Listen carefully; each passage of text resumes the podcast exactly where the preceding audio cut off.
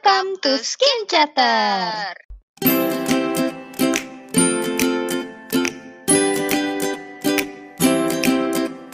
Hello everyone. Hello everything. Hai. Never gets old. nih, kita minggu ini masih bahas tentang sunscreen juga nih. Tapi Mm-mm. ini adalah salah satu isu yang mungkin jarang ke highlight. Padahal sebenarnya penting Penting banget. banget. Kalian, iya parah. Kalian nih yang sering main ke pantai, yang Mhm. anak-anak pantai nih, pernah denger nggak kalau sunscreen itu membahayakan lingkungan? Nah, para Hmm. pecinta alam, coba mana suaranya? Langsung, Ya. wow, bener banget gitu. Wow, raise your hand. Nah, contohnya dia itu bisa membahayakan koral atau terumbu karang. Nih orang-orang yang sering main di pantai, itu kan sunscreennya tuh nanti kan hanyut ya, kena air. Bener. Nah, itu tuh nanti dia akan terbawa, terbawa terbawa tuh ke habitatnya si koral-koral ini. Nah, si koral ini kalau kalian pernah tahu ya, koral yang rusak itu awalnya kan dia warna-warni ya. Bener cantik Nah, dia banget. tuh berubah jadi putih Sedih dan mati. liatnya. Why dan how? Ya, kita akan bahas tentang ini ya. Jadi, kalau kalian pengen tahu apa sih memang bahayanya sunscreen terhadap koral, terutama buat kalian nih ya, para diver yang eh, yang suka snorkeling, suka diving, karena kan kalian pasti Mm-mm. sering banget pakai sunscreen terus langsung Nyemplung. nyemplungnya tuh nyemplung Mm-mm. langsung ketemu nih sama si koralnya gitu langsung deketan gitu nah berdasarkan penelitian di tahun 2016 oleh Dr. Downs dari National Oceanic and Atmospheric Administrations koral yang terekspos dengan eh, zat kimia bernama oxybenzone dan octinosat itu yang biasa ada di sunscreen sunscreen kita tuh itu Ha-ha. menunjukkan indikasi mengalami coral bleaching. Hmm, apa tuh coral Hmm. bleaching? Ya, seperti kita yang udah sering tahu istilah bleach yang melunturkan warna ya. Mm-mm, Si mm-mm. coral bleaching ini juga kurang lebih sama. Intinya tuh koral akan mudah terinfeksi dengan penyakit-penyakit dan tidak bisa menyerap nutrisi di sekitarnya lagi. Waduh, Eh, sedih banget jadi gak sih nggak cuma manusia doang ya yang terinfeksi itu ya. Koral juga Bener, bisa. Koral juga Kalian harus terinfeksi. lebih aware nih udah tentang yang kayak gini-gini. Jadi kenapa si koralnya bisa terinfeksi? Karena koral itu sebenarnya dilapisi oleh ada namanya zooxanthellae. Tulisannya zooxanthellae. Maaf ya kalau ternyata aku salah cara bacanya. Nah, intinya si zooxanthellae ini makhluk hidup yang ber- mengabsorpsi sinar dan berfotosintesis di sekitarnya si koral. Nah, Mm-mm. hasil foto- fotosintesisnya dia ini yang dipakai hidup oleh si koral kita. Oh Gitu. iya iya. Kan koral nggak bisa jalan-jalan ya cari makanan. Bener. Dia kayak ya gue menerima siapa pun yang mau ngasih gue makanan lah gitu kasarnya. Nah, si Iya, zooxanthellae ini heeh. tuh sayangnya sensitif banget terhadap tidak hanya eh, perubahan suhu yang drastis kayak misalkan Mm-mm. tiba-tiba suhu laut meningkat. Itu dia bisa Ya. mati dan juga karena polusi Heeh. kimia termasuk si oxybenzone itu tadi. Gitu. Berarti ini kalau sekarang misalnya global warming, itu kan suhu air juga meningkat Bener. kan? Itu berarti ngefek juga Mm-mm, ya.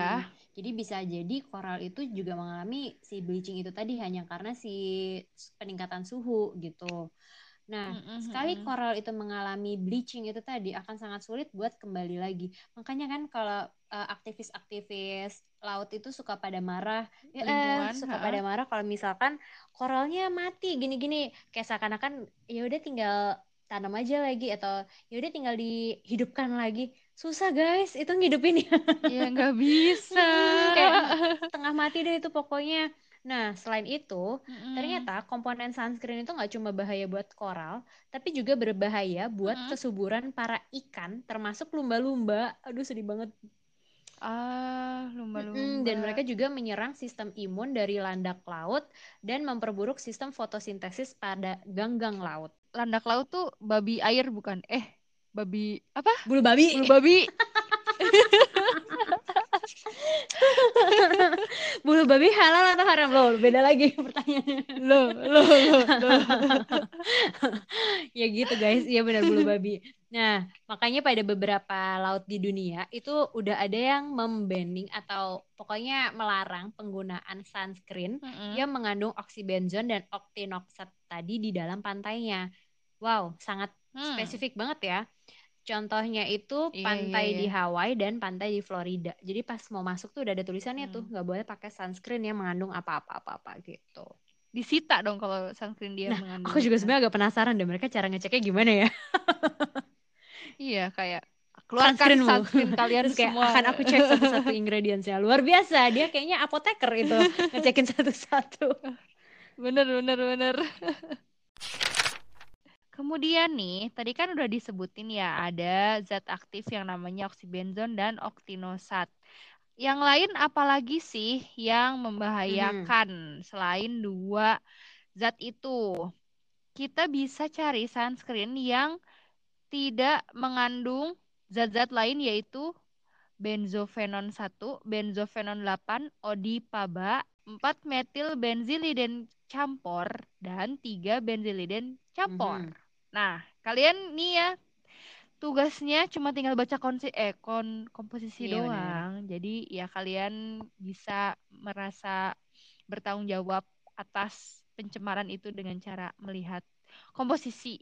Kemudian kalian bisa pilih sunscreen selain bentuknya yang Mhm. aerosol. Bentuk aerosol itu biasanya yang spray terus si botolnya itu tekanan tinggi dan biasanya terbuat dari logam betul. gitu loh. Nah, karena yang aerosol itu mudah menimbulkan residu yang dia itu bisa terbawa air Benar. laut. Karena itu kan campurannya Mm-mm. banyak kan biasanya di situ.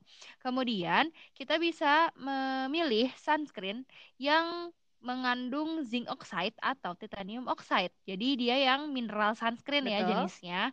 Tapi emang tetap harus harus kalian kalau misalnya emang pengen make sure banget kalau dia tuh aman buat coral reef, biasanya sih ada tulisannya ya, dia ada logonya Benar, gitu. benar. Dia coral reef safe gitu. Dan kalian bisa pilih yang bentuk partikel itu enggak Mm-mm. nano karena kalau nano itu akan lebih mudah terbawa air dan itu nanti dimakan ikan Benar. ikan kecil dimakan ikan besar, ikan besar dimakan ikan Dan besar lagi ya, gitulah. Jadi akan menumpuk ya. seterusnya itu rantai makanan. Benar-benar. Heeh.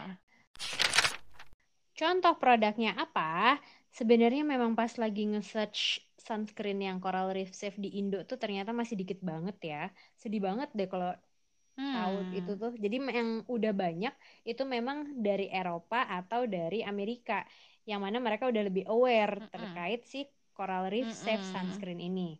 Ya. Tapi ternyata setelah kita ngubek-ngubek nih, aduh produk apa nih yang ada gitu. Kita menemukan Buat saja kisah nak.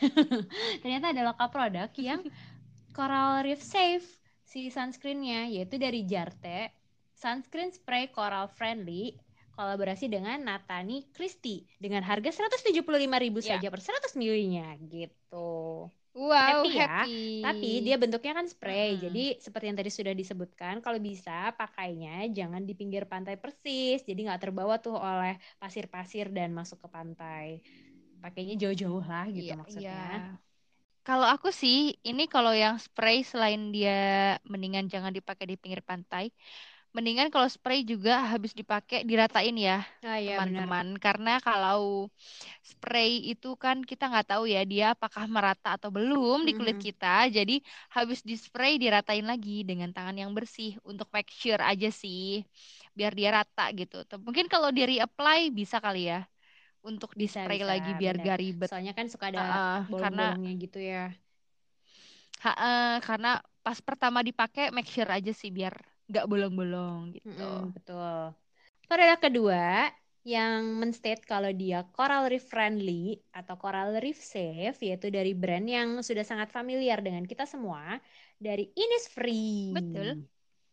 Nah, produknya dia apa sih yang menstate itu?